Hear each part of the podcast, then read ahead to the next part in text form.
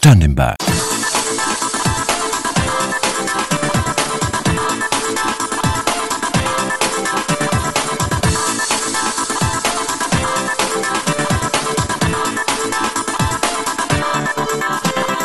Complete.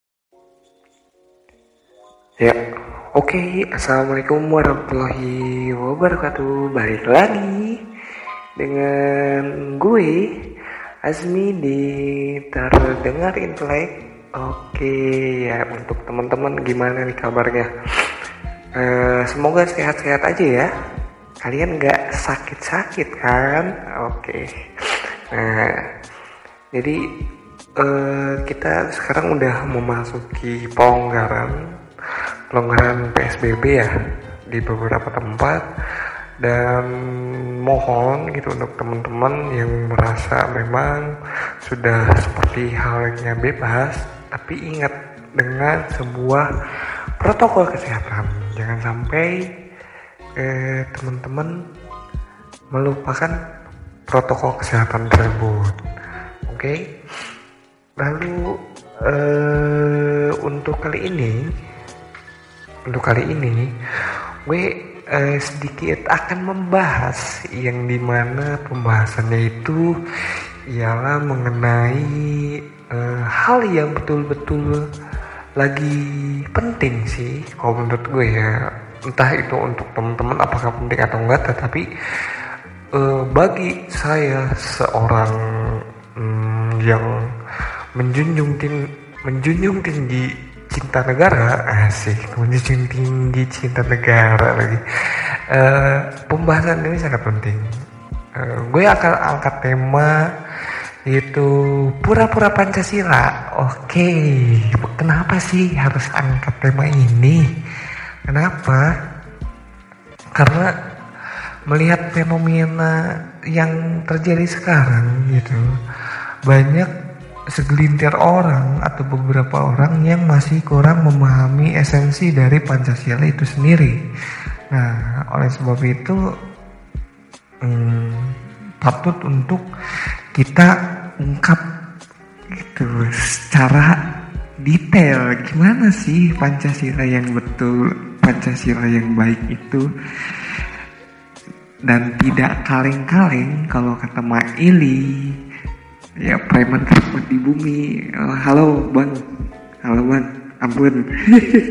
Bercanda ya. Jadi untuk uh, teman-teman kenapa gue menyebutkan pura-pura pancasila di masa ini mungkin ya? Karena begitu banyak uh, perilaku kita yang di mana itu sangat uh, bertentangan. Tidak hanya bertentangan tapi keluar dari koridor yang berlaku. Nah koridornya yang berlaku itu apa? Si Pancasila ini. Nah walaupun Pancasila ini tidak berwujud tetapi ini merupakan suatu hal yang penting. Karena Pancasila ini ialah formula atau ide yang terkandung dari beberapa pemikiran orang, beberapa pemikiran yang disatukan, sehingga muncullah sebuah nilai yang berbeda dari pada yang lain, dari negara-negara lain. Ini Pancasila itu mungkin di bagian barat kayak di negara-negara Eropa atau Amerika lainnya mengusung dengan nilai uh, ideologi yang liberal. Lalu di timur uh, khususnya seperti di Tiongkok atau di mana ya?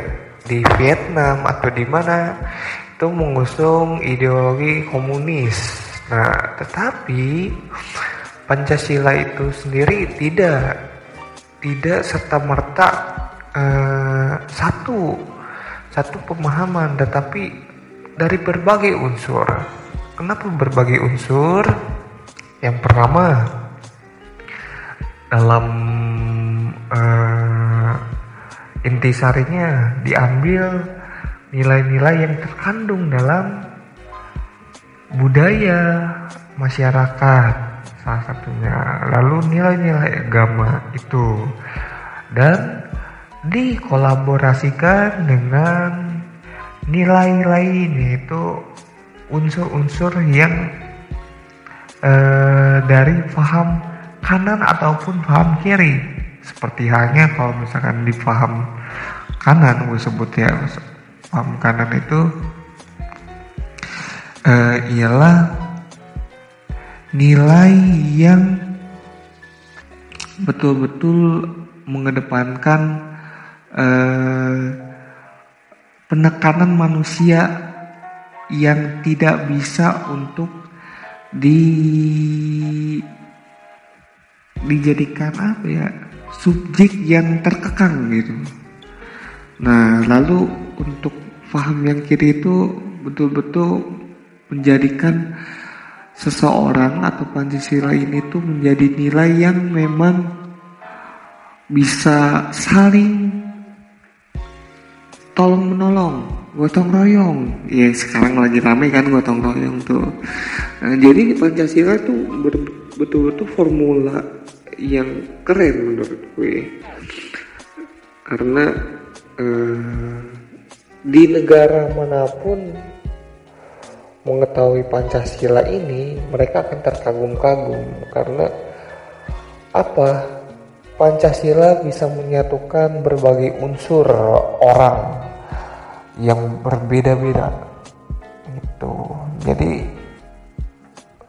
tolong itu untuk teman-teman atau untuk siapa pun untuk yang berada di atas nih sekarang atau yang berada yang di bawah atau yang di tengah-tengah gue sebutkan itulah ya tolong maknai Pancasila itu secara mendalam secara mendalam sesuaikan dengan apa yang memang dahulu telah telah digagas oleh para pendahulu kita. Nah, di sisi lain Pancasila ini merupakan salah satu, bukan hanya salah satu, tetapi sumber dari segala sumber uh, aturan dasar atau sumber hukum sumber utamanya. Nah kok bisa disebut sebagai sumber utama sih sumber utama dalam hukum. Jadi gue menyebut ini sebagai sumber utama hukum itu karena Pancasila itu bisa dibilang hal yang sulit untuk kita gambarkan ya seperti gue bilang kan ini ide ini ide yang gak bisa kita bentuk secara nyata karena dia tuh abstrak. Nah tetapi dari nilai abstrak ini mempunyai nilai yang berbeda. Abstrak bukan berarti tidak terlihat atau tidak terlihat tidak nyata tapi ini nyata. Ini nyata karena ini gagasan ini nyata dan langsung tercantumkan eh, pada tekstualnya. Tapi untuk dijangkau oleh kita memahami Pancasila ini tidak bisa seperti kita menjangkau kita mau ngambil buah mangga di di mana? Di pohon. Enggak gitu. Jadi betul-betul Pancasila ini melayang-layang di atas langit nah ini udah ranahnya. Filsafat ya? Gua aduh udah rada puyeng nih. Kok, kok bisa melayang-layang? Kok tidak bisa disentuh e, sembarang gitu? Karena dibutuhkan eh, tangga yang sangat berbeda, tangga-tangga yang bertahap untuk mencapai si Pancasila ini. Nah, oleh sebab itu Pancasila ini tuh dijadikan suatu sumber hukum utama bagi peraturan-peraturan yang ada di bawahnya. Nah, oleh sebab itu, eh, karena udah dijadikan sumber utama dalam pelaksanaan hukum dan lain-lainnya, maka kita diwajibkan, diwajibkan untuk paham dan mematuhi si Pancasila ini. Nah, oleh sebab itu untuk teman-teman yang kurang serak dengan Pancasila, oh nggak bisa, oh kamu berarti tidak mencintai Indonesia, kamu kurang uh, paham sejarah Indonesia itu seperti apa. Nah, karena Pancasila ada karena buah pikiran pejuang-pejuang terdahulu. Itu untuk menyatukan kita bisa menjadi seperti sekarang. Jangan sampai eh, kita menjadi orang yang ayolah ah, Pancasila ini. Jadi ingin seperti gue bilang pura-pura Pancasila. Itu lu misalkan pengen uh, ngomong A tapi berlaku B itulah pura-pura. Padahal di dalam A ini itu udah diatur nih koridornya kayak gini nih. Lu jangan ngebelot lu jangan gini lu jangan belok sini ke sana ke sini gitu. Di Pancasila tuh kayak gitu. Pancasila udah ada nih uh, haluannya terus uh, arahannya ke mana ini ini loh. Tapi kan orang pengennya tuh belok-belok. Nggak bisa. Ikuti aturan itu. Nggak bisa serta merta kita seenak jidat. Oke? Okay? nggak bisa seenak jidat. Nah baik lagi ke pembahasan yang tadi soal pura-pura Pancasila. Kok pura-pura Pancasila sih uh, segelintir orang. Karena apa? Karena Pancasila ini tidak dijadikan sebagai pandangan hidup. Padahal dalam uh, hikmahnya asik nyebutnya hikmah lagi bukan dalam hikmah ya tapi dalam nilainya Pancasila itu penting untuk dijadikan pandangan hidup. Penting sekali. Karena bila tidak dijadikan pandangan hidup, itu akan menjadikan kita seperti uh, macan buas yang tercerai-berai, yang tidak tahu arah. Kok bisa kayak gitu? Ya contohnya banyak nih eh, pejabat-pejabat yang ngomongnya ngaku Pancasila tapi ujung-ujungnya malah jadi koruptor. Gitu nggak hanya nggak hanya pejabat sih sebetulnya. Kayak misalkan kita nih di, di lingkup yang terkecil dulu. Kita katanya sih ngaku Pancasila. Uh, terus ngaku taat hukum. Tahu taunya uh, ada lampu merah diterobos kan gak lucu. Kamu Pancasila nggak kayak gitu? Enggak terus contoh kecilnya lagi nih. Uh, misal ini aturan trotoar tuh nggak boleh dipakai untuk uh, hal lain selain untuk pejalan kaki. Tapi kan malah dipakainya untuk parkir motor atau untuk berdagang kan gak sesuai. Kamu gak taat hukum gak taat pancasila dong. Gitu coy. Jadi mohon jangan sampai teman-teman ini keliru. Itu menganggap ah ya udah sih simbol doang. Nggak bisa nggak bisa. Pancasila nggak bisa disebut sebagai simbol doang atau apa yang misalkan lu kayak misalkan kayak uh, kan lu lihat nih di di sekolah-sekolah ya. Di sekolah-sekolah tuh ada lambang burung garuda terus di situ kan ada tuh ada beberapa poin-poin silanya. Nah itu Pancasila tuh ditempel gitu. Nggak bisa lu melihat hanya sebatas itu nggak bisa. Tapi lu harus masukkan ke relung sukma. Gue nyebutnya relung sukma nah di saat kita udah paham itu soal Pancasila di dalam hati maka kita akan bisa menghasilkan suatu kebijakan yang eh, betul-betul uh, adil. Nggak ke sana nggak ke sini. Tengah-tengah. Win-win solution jadinya. Oleh sebab itu janganlah kita jadi orang yang pura-pura gitu pura-pura untuk paham akan Pancasila, paham ini itu. Cukuplah kita sekarang lihat nih uh, yang lagi marak ramainya rancangan undang-undang haluan ideologi Pancasila ini. Udahlah cukuplah itu. Yang terpenting tuh bukan soal itu. Yang terpenting itu ialah bagaimana kita mengamalkan Pancasila ini dalam sendi-sendi kehidupan. Itu coy yang harusnya kita pahami. Kok bisa kayak gitu sih Mi? Ya ya bisa lah. Masa kagak bisa? Piye bos? Tapi nih ada sedikit uh, apa namanya gangguan gangguan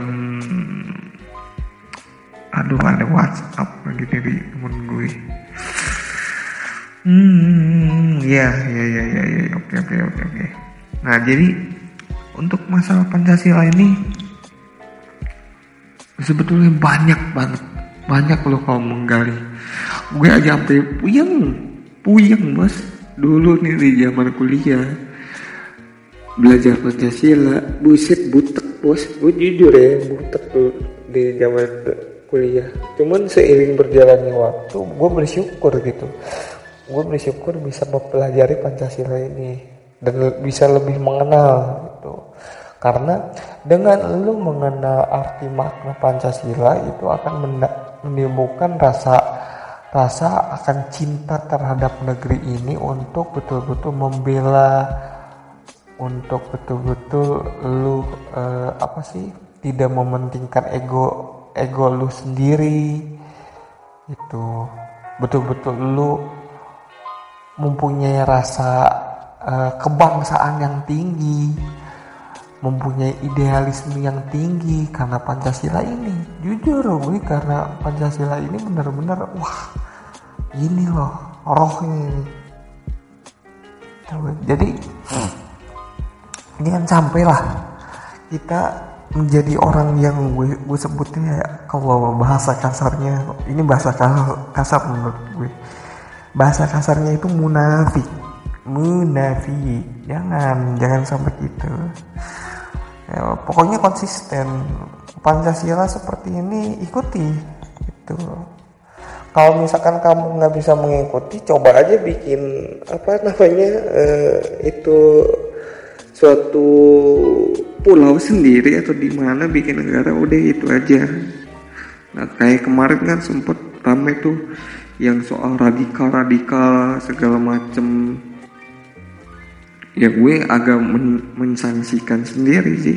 Men menyangsikan juga kok bisa kayak gini ya. Dulu mah nggak gini-gini banget. Gue jujur nih ya soal pancasila eh zamannya gue gue ambil flashback. Zamannya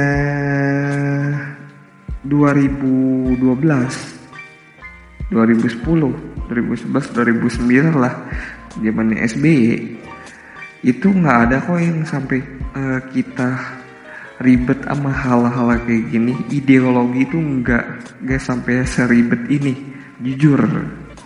Kita adem ayem dan enggak gimana gimana tetapi kok bisa sekarang gitu nah menurut gue kok bisa sekarangnya ini yang harus dicari tahu siapa sih sebenarnya aktor yang ingin mengadu domba sesama anak bangsa dengan alih-alih Pancasila ini. Nah, itu yang harus dicari oleh kita. Oleh sebab itu,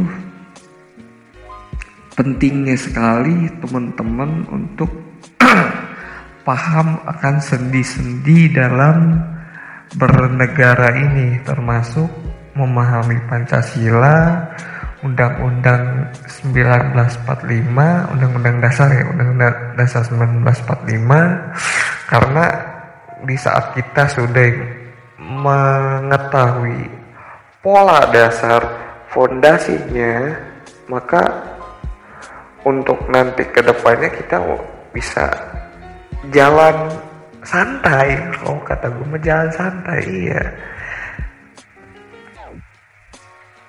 Jadi nggak akan sampai tercerai berai nggak akan mas. Terus nggak akan namanya ada korupsi atau pelanggaran hukum atau lain-lainnya. Nggak akan kok asalkan nih si eh, Pancasila ini sendi-sendinya sila-silanya, butir-butirnya yang ada di dalam ini diaplikasikan oleh seluruh orang di negara ini. Aplikasikan. Kalau udah diaplikasikan, aman, aman kok, nggak akan gimana-gimana. Nggak akan namanya apa? Eh, ada kriminalitas yang tinggi, nggak akan mas. Coba lu pikirin gini. Kok bisa ada eh, kriminalitas sekarang tuh? Karena apa? Adanya ketimpangan sosial. Kok bisa ketimpangan sosial? Sebab keadilan sosialnya ini tidak dijalankan secara utuh. Nah terus kok sekarang banyak sih orang-orang yang misalkan berpendapat kritisi ini itu ini itu tiba-tiba langsung dikat karena apa? Tidak mengedepankan apa namanya permusyawaratan musyawarah mufakat di sila keempat. Nah itu coy Coba kalau misalkan diaplikasikan musyawarah segala macam tidak ada kepentingan diri sendiri udahlah pokoknya jangan ada kepentingan diri sendiri. Gue pengen gue pengen enak jangan nggak ada bos. Dalam hidup tuh nggak ada. Namanya lu enak-enak sendiri. Semua itu inget senasib sepenanggungan Indonesia kenapa bisa merdeka? Muncul ide merdeka karena senasib sepenanggungan. Nah kalau misalkan dibalik lagi dibalik lagi kok bisa sih kita merdeka segala macam? Ingat bapak bangsa bapak bangsa dulu ialah host Cokro Aminoto. Dia yang sangat getol untuk membuat uh, bangsa ini bisa bangkit dan melahirkan bapak bangsa-bapak bangsa lainnya seperti Insinyur Soekarno, Muhammad Hatta, lalu adanya Muhammad Yamin. Itu coy. Jadi jangan kalian mikir enak-enaknya aja. Jangan nggak bisa. Pancasila tuh nggak ada. Mikirin lu enak-enaknya nggak ada. Semua sama. Sakit-sakit semua. Senang-senang semua. Uh, ingat itu. Iya nggak? Iya. Iya pokoknya ya seperti yang mau bilang. Janganlah sampai pura-pura lah pura-pura kamu menjadi orang yang Pancasila tetapi tidak Pancasila. Itulah itu nggak nggak baik bos nggak baik. Munafik. Iya bener kan? Bener bos. Sebutannya malah kayak gitu munafik. Jangan jangan. Nah terus gue mau bahas apa lagi ya? Kayaknya udah sih seputar itu aja tadinya gue mau bahas terkait apa? Hmm, rancangan undang-undangnya. Ah itu udah udah rame banget ya. Mungkin lu untuk yang kurang update sama soal Pancasila ini lu bisa nonton aja tuh di ILC atau di mana nah, di Najwa atau di mana? Soal rancangan undang-undang ini. Jangan lupa juga nih untuk memahami sesuatu. Teman-teman tolong dibaca kembali gitu. Perbanyak membaca literasinya tolong ditingkatkan karena gini Indonesia ini sebetulnya itu sangat minim akan budaya membaca. Nah, sekalipun ada yang dibaca tuh bukan bacain buku bukan bacain uh, tulisan yang bermanfaat tapi bacain orang gibah orang ribut di Twitter ribut dalam arti kayak drama-drama gitulah lu paham kali ya kayak kemarin gue sempet bahas tuh di Twitter drama-drama gak jelas ya itu itu menurut gue. Nggak penting nggak penting banget. Coba perbanyak kita baca-baca buku. Ya siapa tahu nih emak babe lo punya buku yang keren lo baca itu kan nambah tuh wawasan. Nah, dan satu hal lagi di saat kita ingin memberikan suatu argumentasi atau apa pun tolong itu didasarkan dengan kemampuan kita memahami suatu hal tersebut. Dan betul-betul uh, dengan ranahnya kita itu bukan berarti bukan ranah gue eh bukan berarti uh, apa sih? Itu bukan ranahnya dia dia nggak boleh ngomong. Boleh boleh lo ngomong tapi sesuaikan.